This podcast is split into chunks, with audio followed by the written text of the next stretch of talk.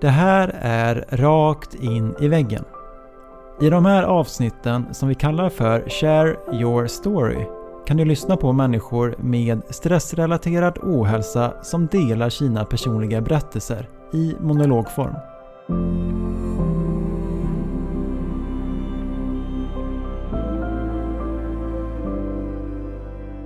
Jag var ju viktig! Jag jobbade på ett jobb, jag hade fått vara vikarierande chef, jag skulle sätta ihop två fusioner mellan två olika nya verksamheter. Det var så himla mycket. Så jag kände mig... Hon fattade inte vad hon sa. Skulle jag, Micke Gunnarsson, kunna tas väck från jobbet i tre veckor? Fattar du inte? Och jag brukar ibland fundera på det att hade man tagit ut solen från planetsystemet så hade man kunnat stoppa till Micke Gunnarsson där under den perioden i mitt liv. För jag, jag var viktig. Det känns som hela, jag bar upp hela universum.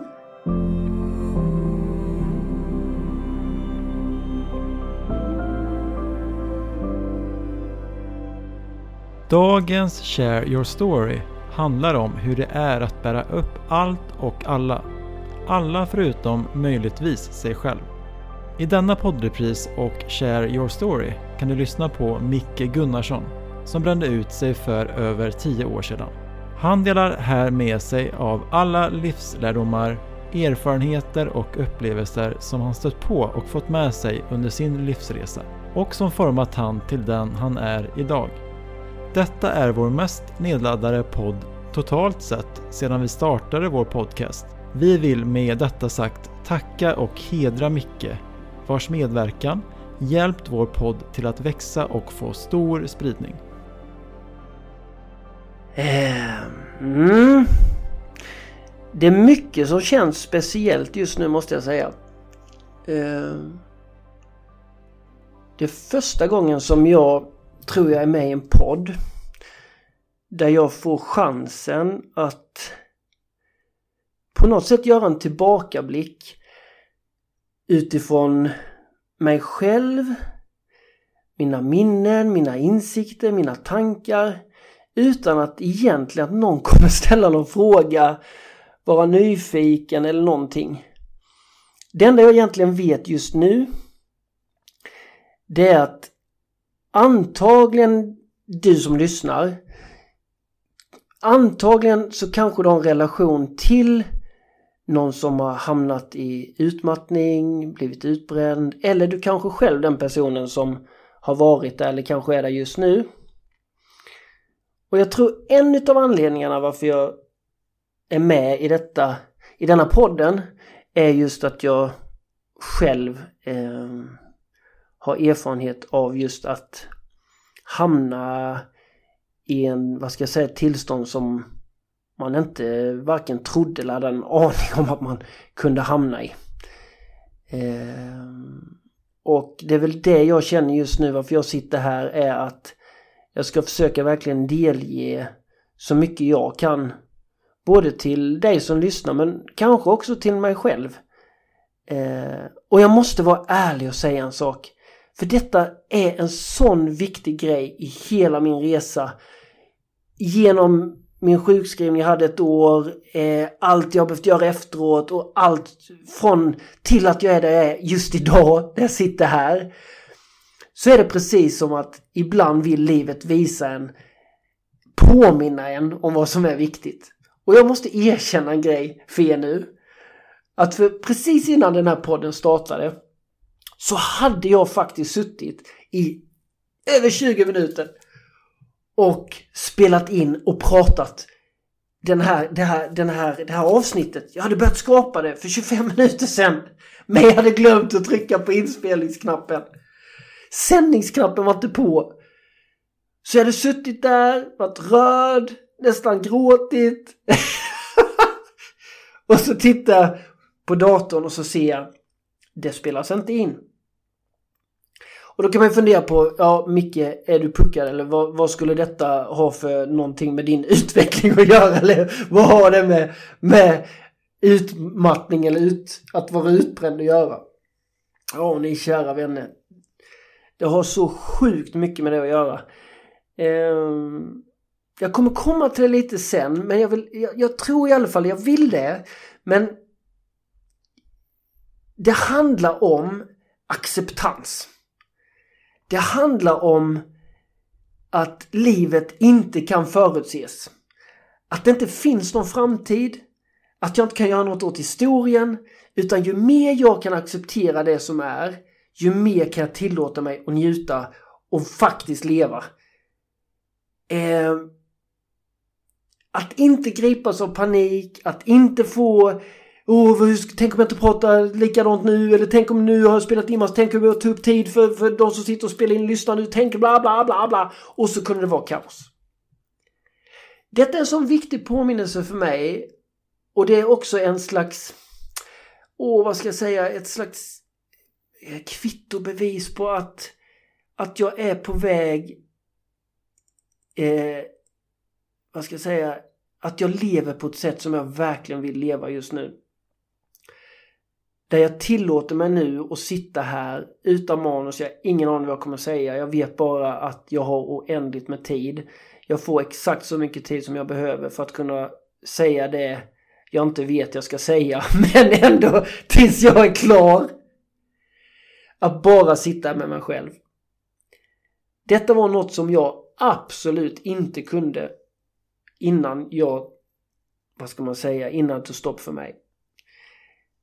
Jag kunde inte sitta själv på en stubb i en skog i en halvtimme utan att det var krig. Ehm, jag stod fasiken inte ut med mig själv längre, så kan jag faktiskt säga.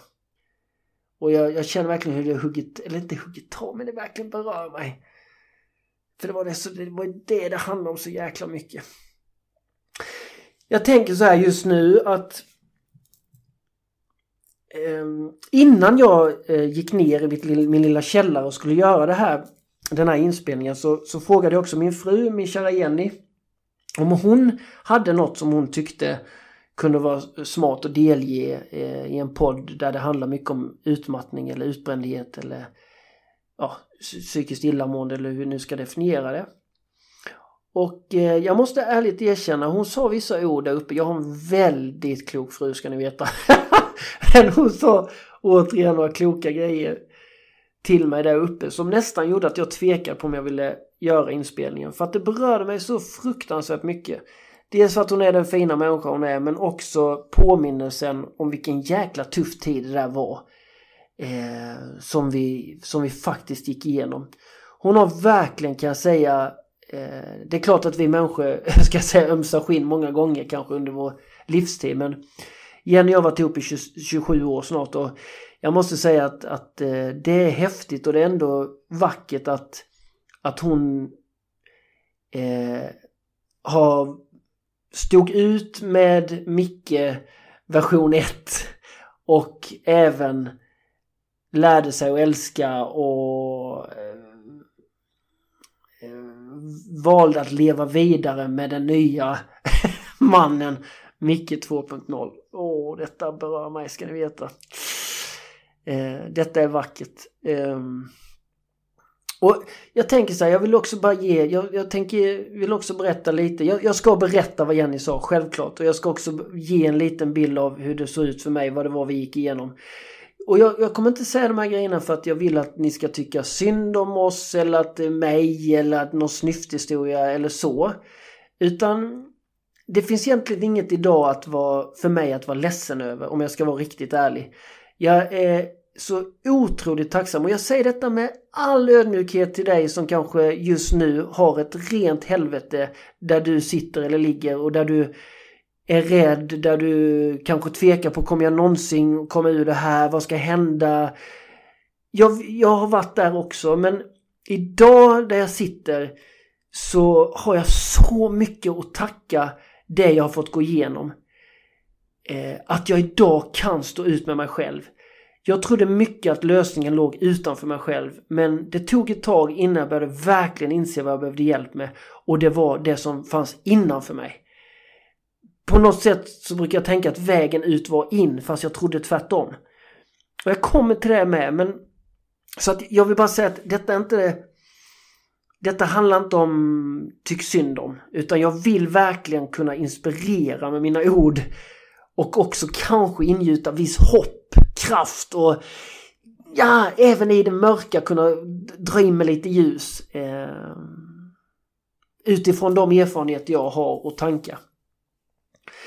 Eh, jag, jag har inte ens sagt vad jag heter, jag vet, det är skitsamma. Men, eller det kanske inte, vem är den här, vem är det som pratar? Micke Gunnarsson heter jag. Och eh, jag, jag, eh, som sagt var, jag är en, en lyckligt lycklig man på, på grund, eller inte på grund av att jag är gift med Jenny. Det är ju en bonus i sig, men eller så. Det, det är viktigt att... Eh, vad ska jag säga, varför gick jag in på det? I alla fall, jag är en fruktansvärt just nu lycklig människa som får leva ihop med min Jenny Gunnarsson eh, som vi har gjort i 27 år. Jag har tre barn, jag har Max som 21, Kalle är 19 och Alfons är 14. Och mina två äldsta bestämde sig för två veckor sedan att flytta hemifrån. Åh, vilken ny resa vi är inne på. Oj, oj, oj. Två, nästan hälften av familjen drog liksom. Ja, det är ett helt nytt, det är också ett nytt kapitel i, i mitt liv. Verkligen. Eh, med så mycket nya vackra möten men också självklart en, en förändring som är spännande att, att titta på. Jag är ute och föreläser mycket, jag bloggar, jag är jätteaktiv på sociala medier, jag skriver lite böcker. Jag, jag, jag, jag brinner eh, egentligen Eh, för livet och kärleken. Och jag värnar extra mycket om våra unga, våra barn, våra ungdomar, miljöerna de befinner sig i skolan och så vidare. Jag brinner mycket för, eh, för att, att, att, att människor på något sätt ska ta sig från överlevnad till att verkligen leva. Precis som våra små barn gör. Ni vet själva. Ah, de är så levande. Sen vet jag inte, vi borde bara öka sen med åren. Men jag vet inte, jag träffar alldeles för många vuxna och jag har själv varit där, där jag nästan föddes på topp och sen så ju äldre man blev ju värre blev det. Märkligt, märkligt. Men förändring jag vill dela med mig då ut, utav eh, till er. Det var just, det är tio år sedan nu eh, snart. Eh, tio år sedan. Och det låter helt galet när jag säger det för att jag... Eh, wow, det, det känns inte som att det var tio år sedan men eh, det var det. Och eh, jag var en... Eh, Innan jag hamnade i, vad ska man säga, den här sjukskrivningen och eh, utmattningen så eh, bara snabbt, jag, jag har alltid varit en väldigt eh, glad kille, positiv, eh, haft många järn i elden, startat upp massa projekt, jobbat inom skola, jobbat inom teater, jobbat inom digitala medier, reklambyråer, film. En väldigt kreativ liten rackare och, och det har ju alltid varit eh, så. Eh, just denna perioden där, eh, där jag började vackla eller där det började göras märkbart inför då eh, stoppet som skulle komma. Eh, då jobbade jag, hade fått en ganska ny roll på ett, på ett jobb som jag hade och lite mer ansvar. Jag var också ute och föreläste en del om mobbing som jag också har erfarenhet av sen, sen tidigare. Det var ganska intensivt. Jenny pluggade, Max och Kalle de var 11 och 9 blev de då år. Eh, Alfons var bara 4, vi höll på att renovera hus, vi byggde övervåning. Jenny tror jag både jobbade och pluggade. Ja men ni vet, högt tempo, mycket, mycket skulle göras och, och eh, det var jag som sagt var rätt högt tempo. Men jag mådde bra, alltså frågan om mig hur mår du och sådär så, så, så mådde jag hur bra som helst. Det var ju kul som helst. Um, och jag tror inte jag ljög då utan jag mådde väl bra på något sätt. Men sen började det väl komma och krypa på att jag eh, kanske oroade mig lite mer, började sova lite krassligt. Eh, kunde känna någon slags ångest ibland inför uppdrag jag hade. Och framförallt kanske det också började bli så att mina barn eh, kunde skratta åt mig när de liksom hittade grejer i kylen som inte skulle vara där eller saker som borde vara i kylskåpet som inte var där eh, och sådär. Att, att det, det, blev liksom lite luckor och, och minnesluckor eh, lite så. Och, eh, och eh, eh, så, så där någonstans var det. Och så kommer då, och det, så, det, så, det blev väldigt tydligt för det var eh, måndagen på sportlovet. Så eh, för knappt då tio år sedan så skulle vi iväg på någon liten utflykt eh, över dagen sådär och eh, på morgonen. Det, det, är svårt att exakt i detalj kanske återge det här men Eh, som jag minns det så... Det jag verkligen kommer ihåg det är att dörren till sängkammaren där jag låg, eller Max och Kalle öppnar dörren och sticker in sina huvud och typ frågar mig varför inte jag har gått upp ur sängen ännu, vi som ska åka iväg. Kom, varför äter inte du frukost liksom? De orden kommer jag ihåg och det som händer där då är att de ser en pappa som börjar storgråta eh, jättemycket och eh, det slutar med att jag kräker till slut spyr. För att den, så som jag vaknade upp den morgonen som jag minns det så vaknade jag upp med en otroligt konstig känsla att eh, eh jag kände mig helt eh, slut, ledsen. Min kropp styrde inte. Eh, jag började storgråta, må illa. Eh, svårt att säga om det var ångest eller vad det var. Det var, det var en slags panikartad känsla men jag kände mig samtidigt helt förlamad. Jag var helt, alltså mina ben, jag kände inte eh, dem. Det var helt märklig känsla. Och jag vet också att jag hade en slags eh, intensiv rädsla i mig. För jag fattade inte, jag fattade inte någonting om jag ska vara ärlig. Eh, så snabbt gick det faktiskt. Eh, och jag vet att Max och Kalle försvann och så kom Jenny och Jenny då som är beteendevetare i botten och jobbar med personalfrågor och sådär. Hon, hon tittar in på mig och det var precis som hon visste eller hon nästan hade väntat på det här. Kanske. Så att hon säger till Max och Kalle att eh, nu får vi låta pappa vara lite. Och så stänger hon dörren om mig. Och det var inte en, det var inte en, eh, vad ska jag säga, en handling av att skita i mig eller strunta i mig utan det var att, det var verkligen av kärlek hon lät mig vara lite där. Eh, och det är jag glad för på något sätt ändå. Eh, för jag behövde på något sätt, eh, jag behövde vara där jag var. Och jag vet att ganska snart så somnade jag också sen. Eh, sen beger vi oss till eh, vårdcentralen. Jenny ringer dit och får en, någon slags akuttid dit och jag kommer dit och somnar till och med i väntrummet vet jag. Och eh, när jag kom in till läkaren så frågar hon mig, eh, eller hon, hon säger inte så mycket, hon tittar på mig och säger ganska snart eh, att eh, du, vi får börja med att sjukskriva dig i alla fall i tre veckor. Och det som är så spännande här det är att detta låter konstigt men jag skällde faktiskt ut henne då. För att eh, hon visste liksom inte hur viktig jag var. Och det känns så kul när jag säger det, för att det var verkligen så att jag skällde ut henne för att jag, jag var ju viktig. Jag jobbade på ett jobb, jag hade fått vara vikarierande chef, jag skulle sätta ihop två fusioner mellan två olika nya verksamheter. Det var så himla mycket. Så jag kände mig... Hon fattade inte vad hon sa. Skulle jag, Micke Gunnarsson, kunna tas väck från jobbet i tre veckor? Fattar du inte? Och jag brukar ibland fundera på det att hade man tagit ut solen från planetsystemet så hade man kunnat stoppa in Micke Gunnarsson där under den perioden i mitt liv. För jag, jag var viktig. Det känns som hela, jag bar upp hela universum. Eh, och det inser jag ju idag att jag hade jag mådde bra innan, jag drevs av mycket och jag gjorde, hittade på mycket. Men igen så tror jag att jag skulle vara där för alla andra. Jag var killen som, eh, vad ska jag säga, prest, prestationskillen. Men framförallt att göra andra glada, att bli älskad av andra, att vara duktig, att hjälpa andra, att rädda andra. Jag var ju, jag var ju hjälte. Jag hade ju tränat på denna som liten. Att rädda människor, att hjälpa människor som mådde dåligt. Till och med mina föräldrar ibland skulle jag hjälpa som liten för att få dem glada. Så jag hade ju med mig det. Och det var inget jag kunde välja mer eller mindre. Jag, jag fanns där för alla andra, det skulle alla andra veta. Så när hon säger att jag skulle bort i tre veckor, då rasade hela min värld. För hon visste inte hur viktig jag var.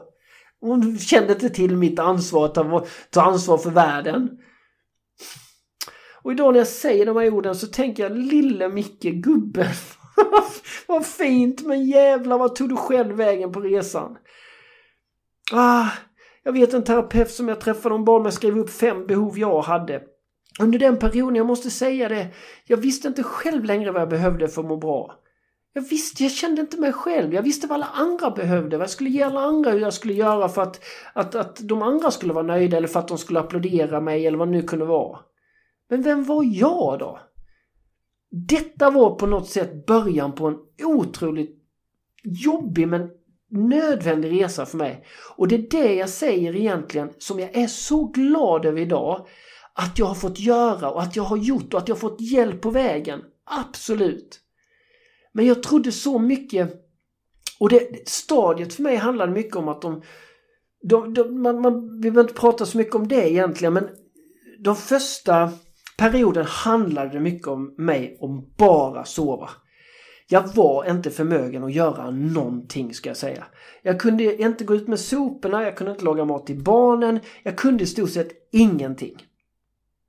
Och här någonstans sa Jenny de här orden som jag, jag blev berörd av eh, innan jag gick ner i det här lilla rummet. Att hon sa så här, ge också, glöm inte de människorna som är runt omkring den som mår dåligt.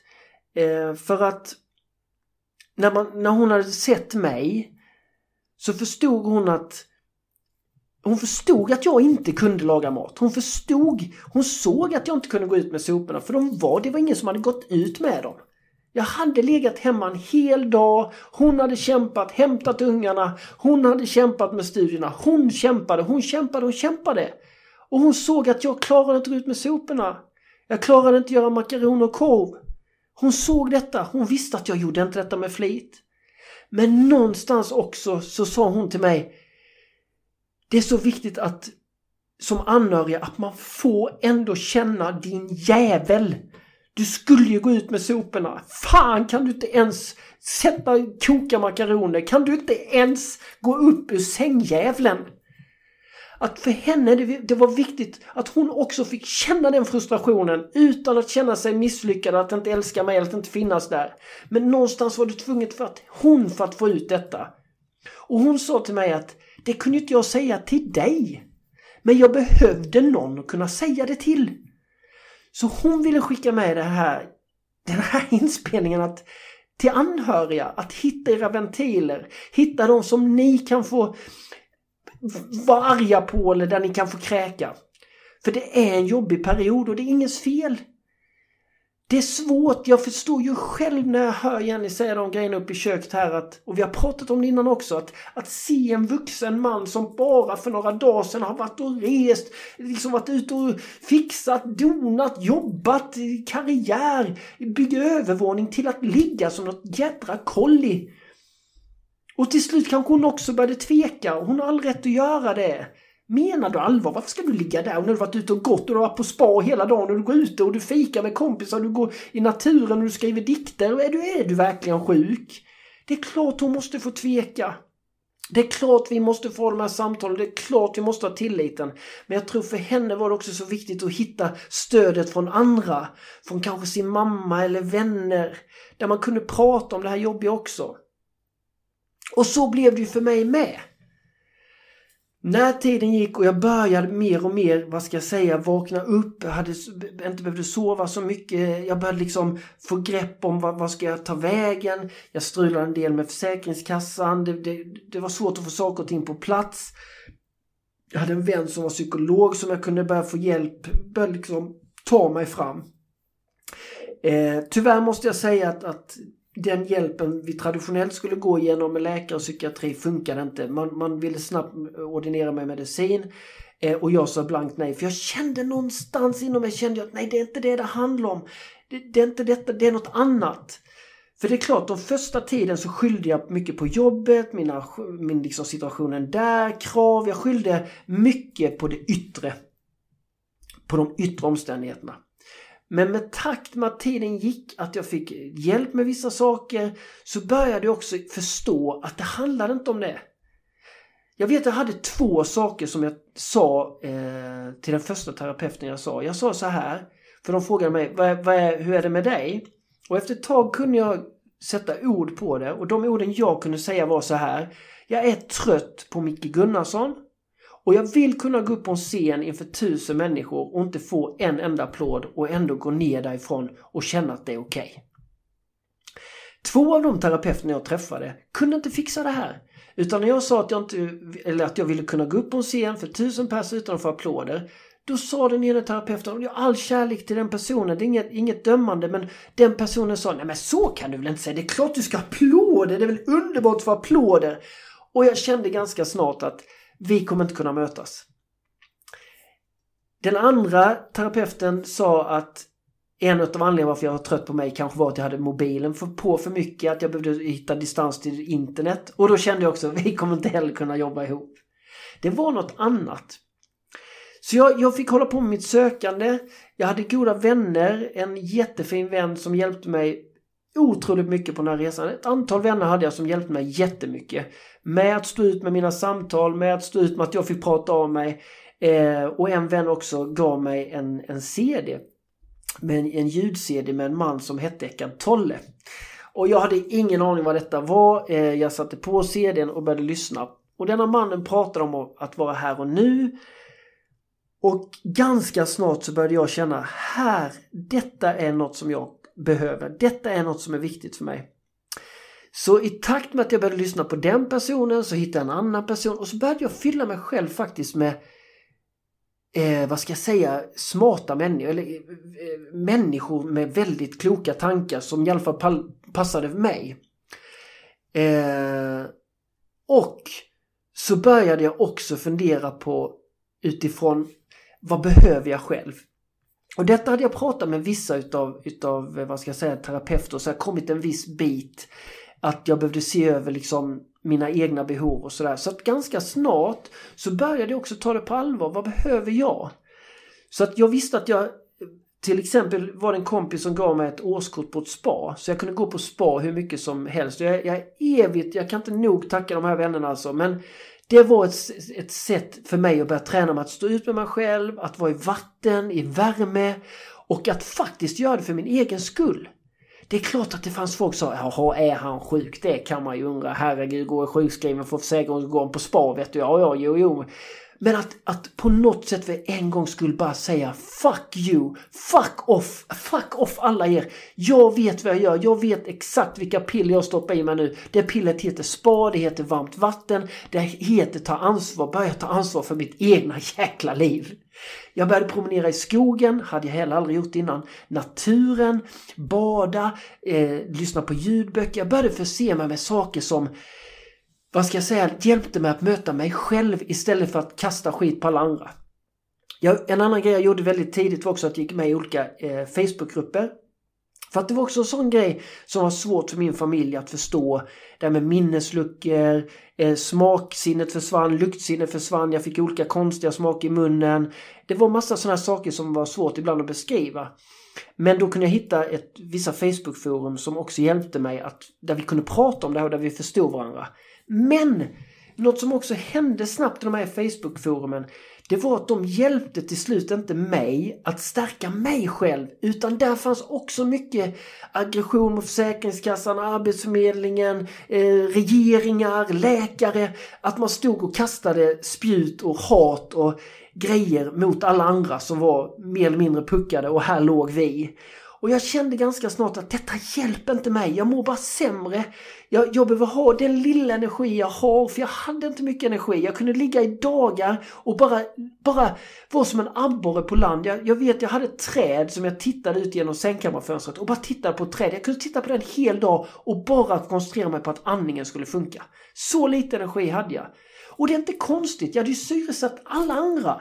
Det är som ni har säkert hört där med, med syrgasmasken på flygplanen. Att bör man använda dem vid, vid behov av syre så ska man sätt, först sätta på masken på sig själv. Sen på grannarna eller sina barn som är i flygplanet. Så det tror fast jag hade lite syre. Jag hade syresatt alla andra men glömt mig själv. Så att, men de här forumen och de människorna, och jag menar inget illa med dem, men där var man fortfarande i en fas där man, det var alla andras fel.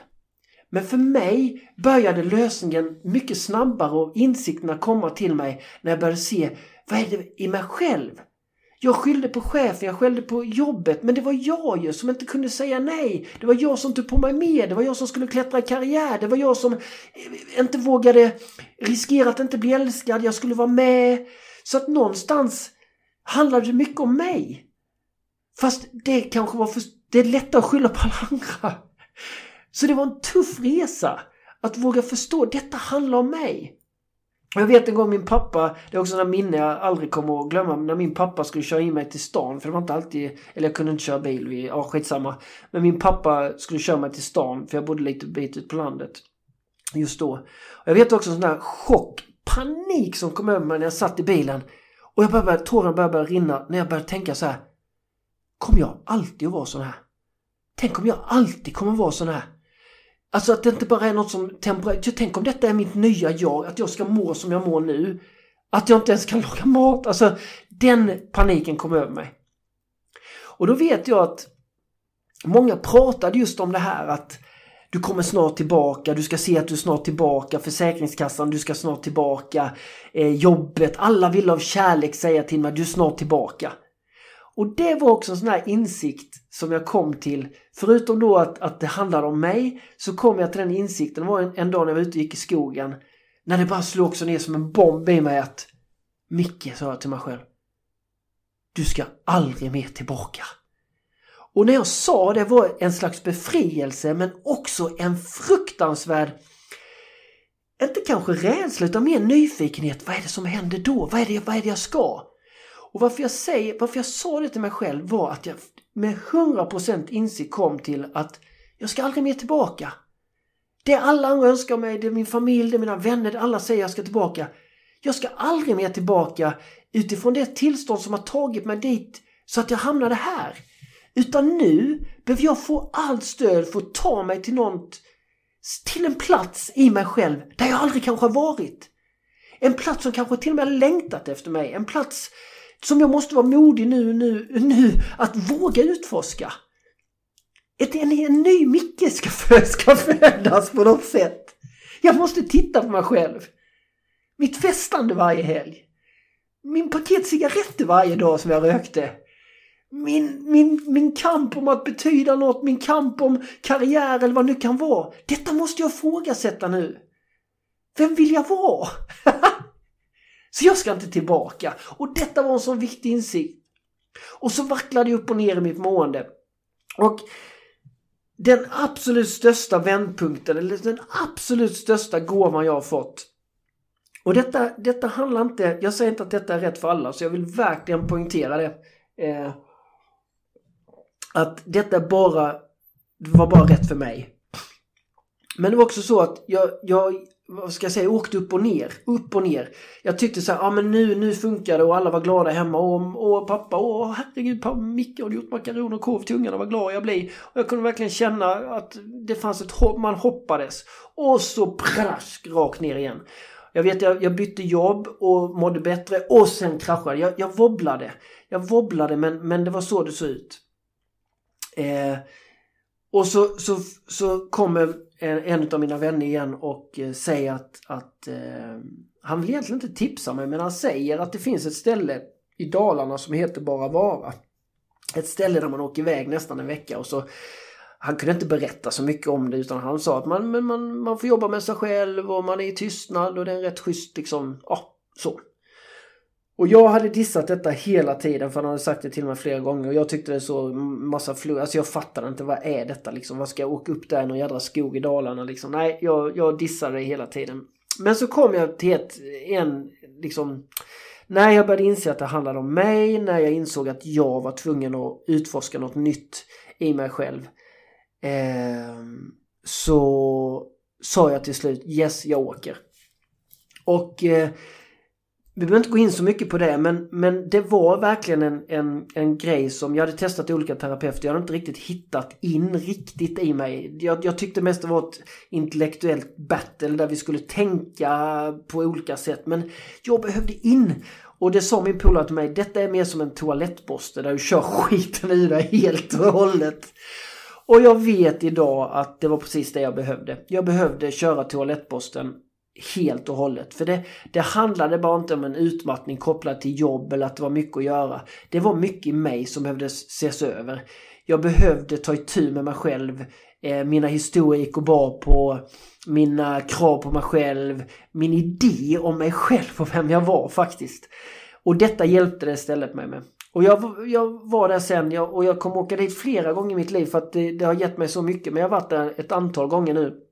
Och vi behöver inte gå in på det, men jag måste också igen bara ge min fru all min cred när jag ändå sitter här och har chansen att höras till några lyssnare. Och det är också en sån grej, bara för att bevisa, bara för att visa på storheten hur kärleken kan se ut ibland. Det var att när jag kom hem efter den första veckan så har jag varit med om jättemycket. Jag hade verkligen släppt så mycket av mig själv och alla mina krav och måsten. Jag, jag var som en slags nyfött litet barn, ren och så mycket lättare i sinnet, så mycket lättare i mig själv. Eh, för att jag hade kunnat lossa på så mycket eh, tankar och idéer och ja, i mig själv under den veckan. Så när jag kom hem så var det en ganska annorlunda Micke de fick träffa faktiskt om jag ska vara ärlig. Väldigt annorlunda och jag var väldigt emotionell och jag grät och ja, jag, jag mådde på ett sätt bara så bra. Jag, jag, jag, hade, jag mådde på ett sätt, jag hade känt saker den veckan som jag aldrig har känt i hela mitt liv innan. Eh, och då handlade det mer om, om lycka och eh, enkelhet, liv, liv i mig som jag inte hade känt på länge. Och vissa saker har jag aldrig känt, så kan jag säga också. Så det var en utmaning för min familj att träffa mig i det tillståndet. Från att ha varit liksom eh, upp och ner, sängliggande, sjukskriven. Så kommer det hem en, en man som verkar vara så lycklig så att eh, de aldrig sett något lyckligare. Eh, och det är klart att det var, när man varit instängd där en vecka så är det en slags bubbla man är i. Men, och det är viktigt sen att hitta eh, de, det man hittar där att kunna jacka i det i sin vardag och det tar tid. Men, men jag, jag kom i alla fall hem som någon slags salig ande där då. Och där har ju då, det som händer då är att eh, min fru säger till mig, alltså Jenny, att efter några dagar att eh, Micke, ja detta är jobbigt nästan att säga faktiskt. Hon säger typ så att jag förstår att det du har varit iväg på nu har varit otroligt stort för dig. Och jag ser att det har gjort saker med dig och förändrat dig på många sätt eh, som jag inte känner igen. Och om jag ska kunna fortsätta att leva med detta nya, det nya som händer med dig, så måste jag också åka dit och uppleva det du har upplevt för att jag ska kunna förstå dig. Hör ni det? Hör ni dessa ord? Eh, så det gör Jenny för mig och för sin egen skull självklart och för, för familjens skull och, och för att hon förhoppningsvis också var nyfiken på vad fasiken är detta? Men hon åker alltså dit där också och genomgår den här veckan. Eh, och jag kan säga att det var så vackert för att det också tror jag har stärkt oss så fruktansvärt mycket. Både då i det jobbiga men också nu de här tio åren framåt. Jag tror att så fin relation som vi har nu och så fina vi är i oss själva och mot varandra som vi är nu de här 10 åren har vi aldrig varit innan de tidigare 17 åren. Vi har haft det bra då med men det är en helt annan plattform vi utgår ifrån nu. Vi har verkligen fått möta varandra och oss själva i det sårbara och verkligen också då känna, förstå på djupet att den enda vägen ut liksom är in. Det finns inga genvägar utan det handlar mycket om att, att på något sätt eh, Ja, att våga titta inåt. Jag märkte ju själv det, jag var så sjukt outforskad inuti mig själv. Jag behövde vara arg, det var så mycket ilska och aggression som behövde ut de här veckorna när jag var där. Som jag inte hade en aning om. Saker jag hade gått och burit på, rädslor, domare, folk som hade dömt mig som jag, som jag tyckte eller Oh, folk som har varit orättvisa mot mig. Alla olika slags inbördeskrig jag hade skapat och gått och burit på. Så att på något sätt så behövde jag göra, sluta fred med mig själv. Och jag kan säga det att det, verkligen, det var en process i tre år där jag jobbade intensivt med detta. Väldigt intensivt. Jag var sjukskriven i ett år men sen så började det också öppnas upp nya. Jag började kunna jobba, jag bytte till ett nytt jobb och ännu ett nytt jobb. Jag sökte mig fram mot det här nya. Men det, det fanns ett jätte medvetet arbete att börja fylla på mig själv med det här nya okända som jag behövde, som jag märkte att jag mådde så mycket bättre av. Att börja utforska mig själv. Vilka rädslor går jag bär på? Vad vill jag med livet? Vad... Det var också en sån grej att Ibland säger vi att tiden går fort. Det var också en sån insikt man kan komma till. Det är inte tiden som går fort. Den är, den är konstant för oss alla. Det var ju livet som gick fort. Och när man börjar inse detta och i slags, någon slags medelålder Och det tror jag också var min utmattning. Det är alltid från någon slags medelålder. Man har kommit till halvvägs i livet. Jobb, karriär, små barn, krav, den yttre världen, all, all prestation, allt jädra hur saker och ting ska vara. All den här kampen. Vi springer rulltrapporna i Stockholm. Vi, vi, vi, vi tillverkar mat on the go för att vi ska kunna springa med maten. Vi springer, springer, springer, springer, springer. Och, och vi märker nu idag, ju mer vi springer, vi, vi, vi lämpar över det på våra barn och de ska också springa, springa, springa, skola, nya krav, betyg, spring, spring. Vi, vi är inne i ett, liksom ett ekorrhjul eller ett hamsterhjul där vi, vi, vi mäktar inte med det här. Vi har, vi har börjat bygga upp ett samhälle som vi inte själva står ut med i oss själva. Utan ska man vara med i det här spelet och det var väl det, det är väl det någonstans detta hjälpte mig till slut att ge upp. att ge upp figuren Micke Gunnarsson. Att ge upp den här karaktären och att verkligen börja komma till hem igen i mig själv och fråga vad ska, vad ska detta gå ut på? Vad är det, vad är det, vad är det, var, varför, varför, varför består hela mitt liv av att oroa mig för framtiden och, och på något sätt vara, eh, titta tillbaka på allt som har hänt, allt elände. Varför kan jag inte bara vara här och nu? För jag kunde inte det då.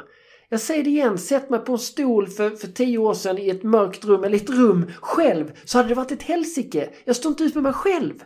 Det var ju det det handlade om. I alla fall i mitt fall. Så att hitta den, någon slags stillhet eller hitta det i mig själv, det var så viktigt. Och idag, det finns vissa sådana grejer som har varit, varit viktiga för mig. Under den perioden var det viktigt för mig med naturen, att, att eh, bada, att eh, lyssna på bra grejer, fylla mig med bra, fina, vackra grejer. Eh, att, att, att våga prioritera mig själv oavsett vad omvärlden sa. Att för första gången sätta mig själv främst utan att jag behövde känna skuld, skam eller att jag inte brydde mig om andra utan tvärtom förstå att det är det bästa sättet jag kan bry mig om andra om jag verkligen börjar, börjar bry mig om mig själv. Men jag kan ge några, en sån här liten grej som jag har haft användning för väldigt mycket nu.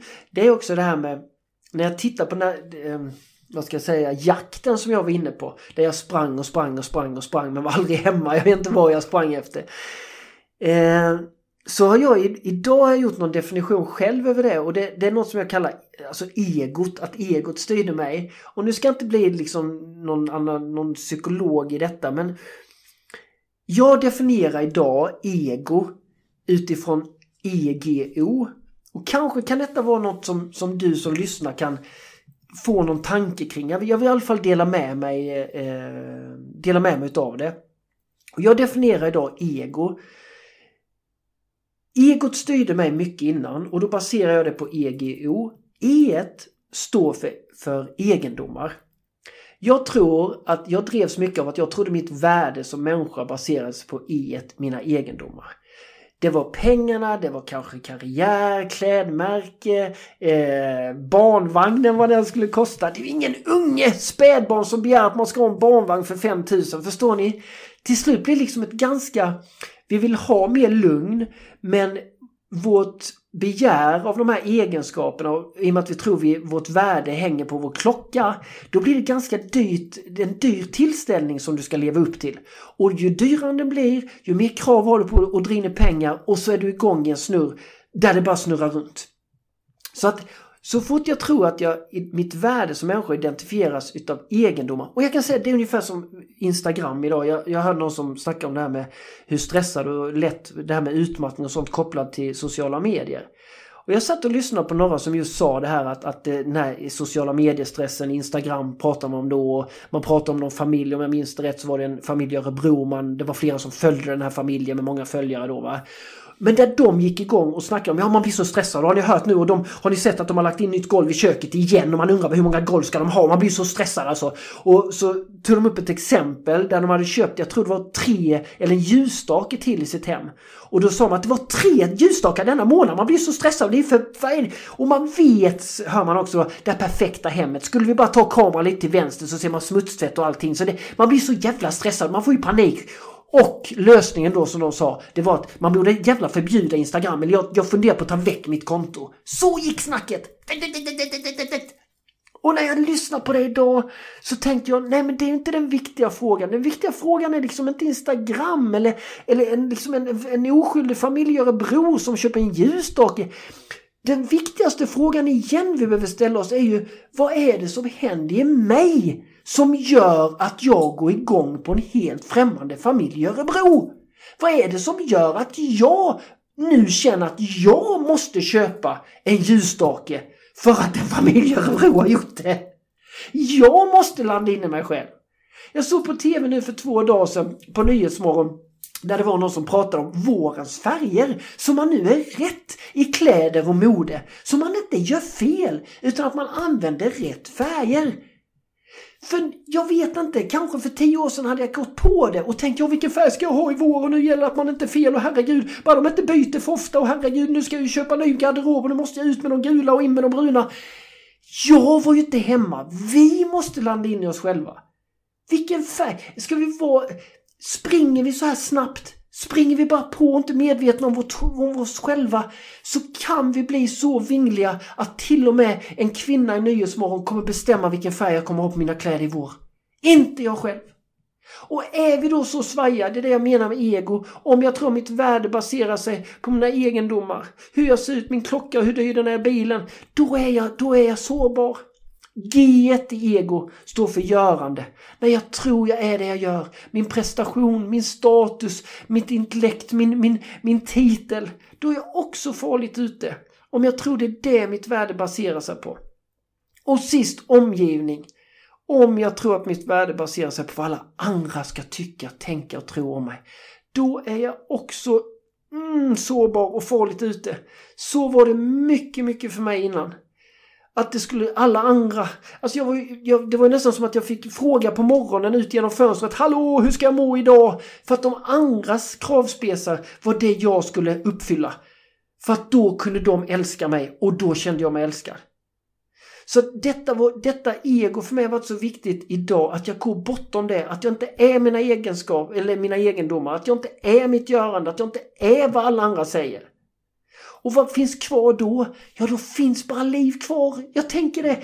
Då behöver jag inte tänka mer på min personlighet som jag har samlat på mig. För det var ju mycket det som också vad ska jag säga, blev till slut fall, eller blev liksom, eller jag inte orkade, men jag orkade inte hålla kvar min person längre. Alla, alla hur jag var och alla, alla, vad ska jag säga, påmitt, alla människor har haft om mig i, i, i, i 35 år. Micke den kreativa, den duktiga, alla, alla klisterlappar som hade klistrats på. Jag var färdig med det, jag orkade inte leva för alla andras skull, utan nu var det dags för mig själv. Att faktiskt själv fundera. Vad vill jag? Vem är jag bortom all, alla de här, det här egot? Och att bara få vara liv. Att få känna att det, jag vill bara andas. Men, men jag hade byggt upp ett liv där det nästan var så dyrt att andas så jag kunde inte hålla på längre. Så att, att komma till ro där. Åh, oh, jag känner, åh, oh, jag pratar snabbt men jag, jag blir så engagerad i det här för det är, så, det är så viktigt för mig på något sätt. Idag är det så otroligt viktigt för mig.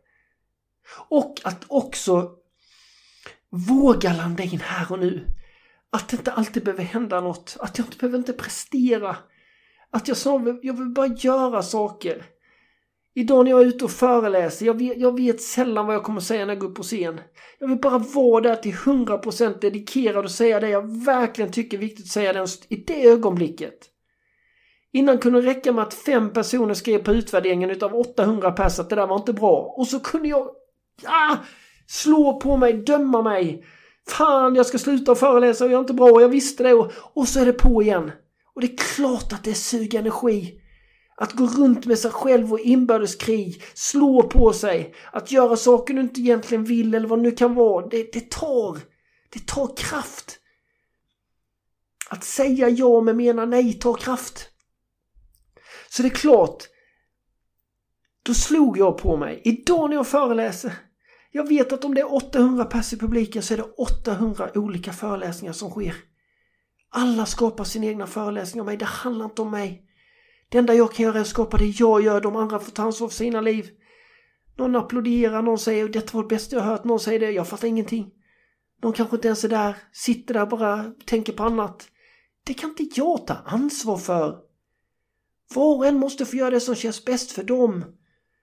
Vilket också då leder till att jag måste få göra det som känns bäst för mig. Jag kan bara göra det jag gör. Och så länge jag inte har medveten ond avsikt att skada någon annan eller ställa till ett helvete för en annan. Vad mer kan jag göra? Och att våga vila i det. Att våga vila i det. Och jag kan säga till er. Jag önskar ingen att självklart att man ska gå i, i däck och vara med om det som vissa av er är kanske med om nu eller har varit med om eller det jag har varit med om. Att ligga där och hyperventilera, vara rädd, ångest, svettningar, sömnlösa nätter, eh, tre efter varandra och man helt... Jag önskar ingen det, självklart inte. Men jag kan säga idag att jag, jag skulle inte vilja ha det o, o, ogjort. Eller det kan jag säga att det vill jag inte. För jag kan säga att det som hänt sen med den möjligheten som gavs att börja titta på mig själv. Jag vet idag att hade inte detta hänt mig så hade jag inte haft min familj kvar. Jag vet att jag inte hade kunnat till exempel kontrollera alkoholen med festandet. För det är klart, ju mer du driver på, ju mer du inte är sann mot dig själv, ju mer du tror på dina tankar som inte är sanna, ju mer du dömer dig själv, allt det här drivet, så behöver du hitta någon slags ventilation för att, för att eh, orka bära det. För mig kunde det vara alkohol, kunde det vara cigaretter, kunde det vara olika andra saker, behov som kom för att, för att på något sätt eh, Ja men så jag slapp vara med mig själv, så kan jag säga. I och med att jag inte står ut med mig själv så vill jag inte vara med mig själv utan då vill jag fly. Så jag vet idag att hade jag inte kommit till den här punkten så hade jag aldrig kanske tagit det, jag ska inte säga aldrig, aldrig, men det hjälpte mig att ta steget för åtta år sedan att bli nykterist. Jag har inte tagit en dropp på åtta år. Jag har inte rökt på åtta år. Jag har inte tagit en bloss. Och grejen var, jag behövde aldrig sluta med detta utan jag, jag känner idag att jag kunde liksom inte fortsätta. Jag kom till en punkt i allt detta. När jag började ge upp kampen. När jag slutade börja springa. När jag liksom slutade med, med den här löpningen. När jag vågade bara vara. När jag insåg att jag inte skulle komma tillbaka. Utan utforska något nytt. Så kände jag i det här nya finns inte detta med längre. Där finns inte ett beteende där jag skadar mig själv med tobak eller där jag skadar mig själv och familjen med, med alkohol. Det kunde, inte, det kunde inte finnas kvar längre. Och jag kan känna tre år efter min utmattning så började jag verkligen känna så mycket liv och så mycket tacksamhet i livet och så mycket tacksamhet att, att få vara här en liten stund.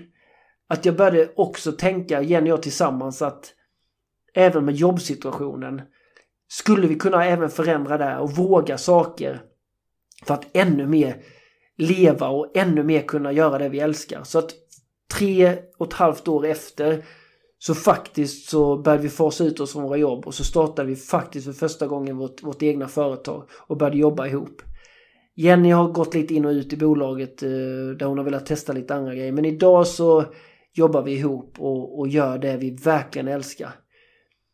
Eh, och jag kommer aldrig sluta jobba med mig själv. Själva utmattningen och den resan, det var en, en, en väckarklocka för mig och nyckel. En väldigt tuff nyckel. Jag, jag sitter inte här och försöker förminska den situationen eller någonting. Inte på något sätt men jag är glad idag att det verkligen, det var precis som livet gav mig en, en, en käftsmäll som sa Öj Micke, jag vill ha dig här. Jag vill ha dig i livet. Jag vill att du ska vara med din familj, jag vill att du ska vara med din fru, jag vill att du ska vara med dina barn. Jag vill kanske till och med att du ska nå flera tusen människor varje dag. För att du har en uppgift här Micke. Det var kanske det livet sa till mig. Och nu trycker jag till dig riktigt hårt för att jag vill att du ska börja leva inifrån dig och ut, inte tvärtom. Jag vill inte att du ska leva för alla andra längre Micke. Jag vill inte att du ska ställa upp för alla andra eller att, att för någonstans, måste vara, jag måste säga detta till er vänner igen att hur den är så det är ingen annan än jag som kommer ligga i jorden när det är dags att lämna. Så om jag lever alla andras liv så är det inte det de som kommer, det är jag som kommer ligga där. Så jag måste börja fundera på detta. Hur tar jag hand om mig? Hur tar jag hand om min kropp? Hur tar jag hand om min hälsa? Inte utifrån prestation eller att se snygg ut på Instagram. Det är inte det det handlar om. Det handlar om liv. Det handlar om att jag vet att Kroppen är väldigt bra att ha för att kunna få leva. Utan den är jag inte, kan jag inte få vara människa. Så hur tar jag hand om den? Hur tar jag hand om mina tankar? Vilka tankar går jag runt och tror på? Slår jag på mig själv? Vem är den som slår på mig själv? Vilka programmeringar har jag där? Att verkligen stanna upp och börja fundera på vad ska jag ha den här stunden till? Vad vill jag få ut av det här projektet? Och det handlar igen inte om att springa rulltrapporna karriär. Jag kan säga det idag när Jenny och jag pratar om, vår, om våra, liksom vad vi håller på med och så, så brukar vi alltid säga det till varandra nu när vi är ute och promenerar att det enda vi är ute efter det är att ha en bra dag. Att vi kan vakna på morgonen och säga yes, jag fick vakna idag med. För det är, det är nästan en kvarts miljon människor som inte kommer vakna imorgon utav naturliga skäl.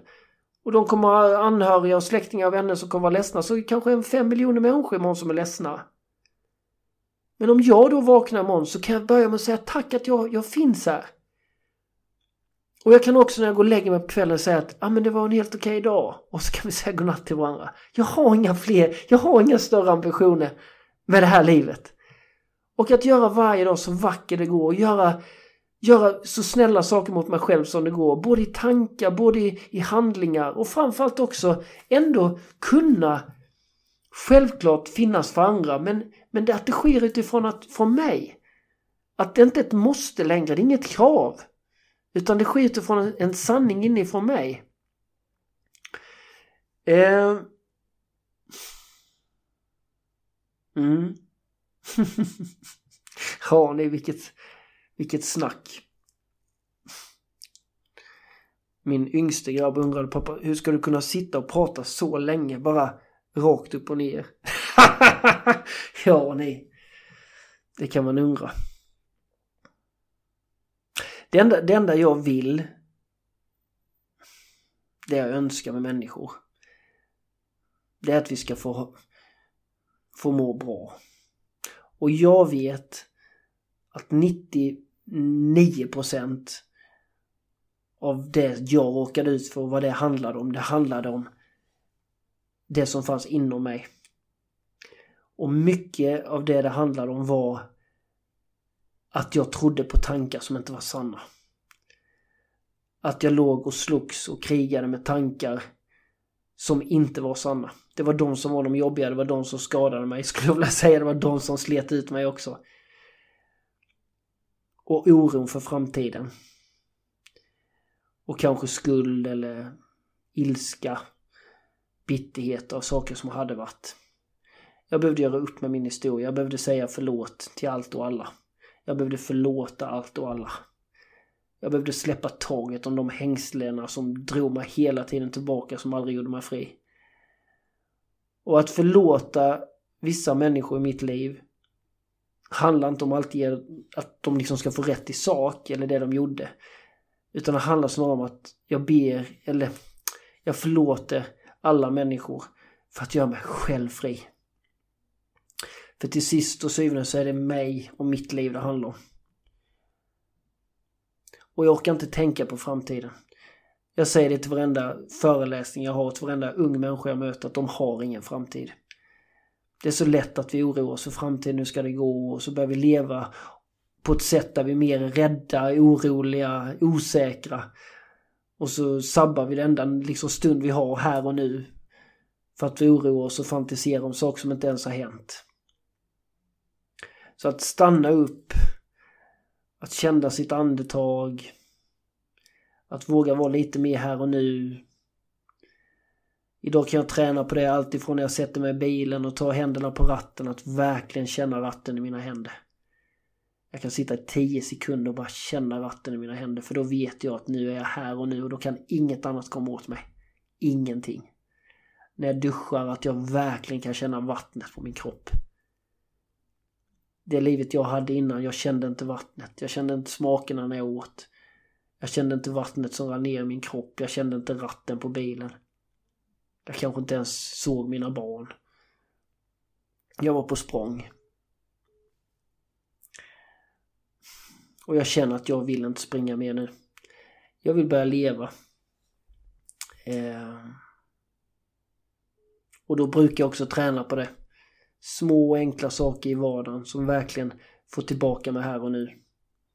Att titta på fågeln lite extra. Jag har faktiskt hamnat i, idag kan jag säga så att jag kan gå ut i skogen och se en fågel och börja gråta. För det är så jäkla vackert.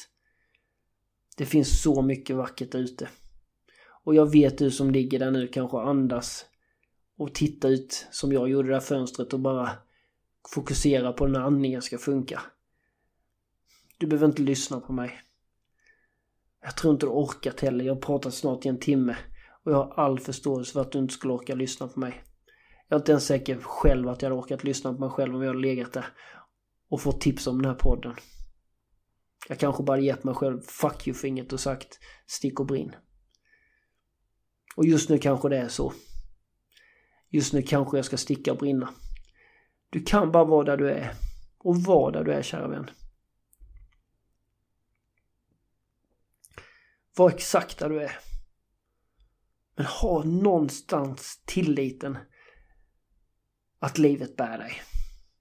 Det har burit dig varenda sekund fram till nu, så varför skulle livet svika dig nu? Du är inne i, just nu är du inne i en, en stund som kanske känns oändlig, men det är en stund. Den vill dig något. Försök, när du har kanske kommit ur det mest krångligaste, så försök se kanske mer med nyfikenhet. Vad är det som händer? Men lita på att livet bär dig med. Och var där du är. Försök inte vara någon annanstans.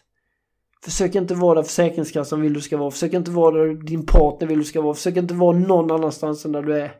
Och bara vila i det. Det räcker så gott nog just nu. Och så ska du se en dag i taget. En dag i taget. Och så ser vi lite mer. Och så ser vi lite mer. Och jag vill också säga att om du känner att du inte får den hjälp just nu som du behöver, sök vidare.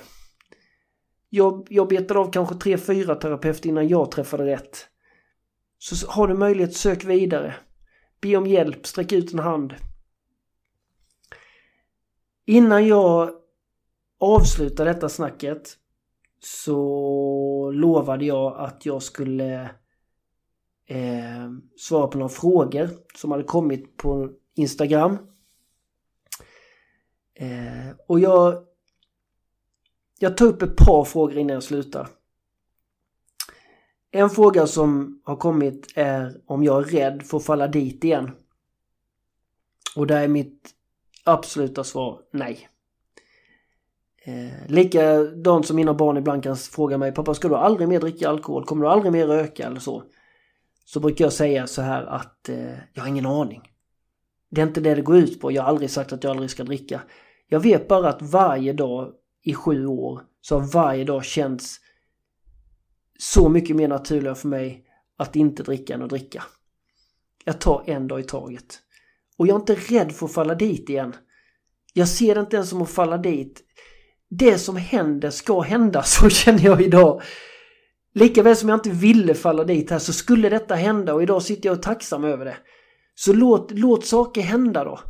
Jag kommer att göra, jag kommer ge 100% utifrån mitt hjärta mina dagar med full dedikation i det jag ger mig in i.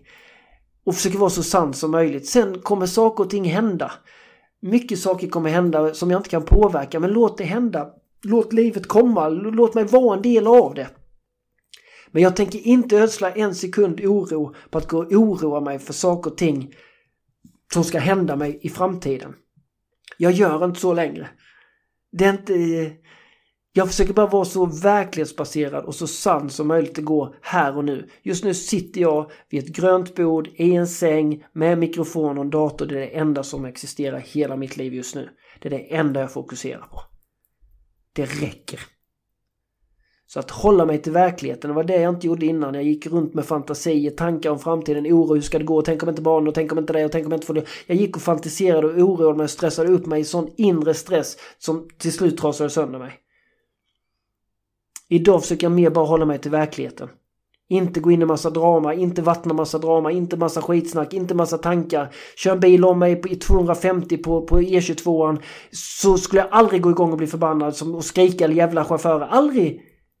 Den kör bara förbi mig väldigt snabbt. Det kan lika väl vara att de är på väg till akuten, ett barn i baksätet som har skurit sig, vad vet jag? Jag lägger ingen energi. Utan mer bara vad det är och hålla mig till verkligheten. Så jag är inte rädd.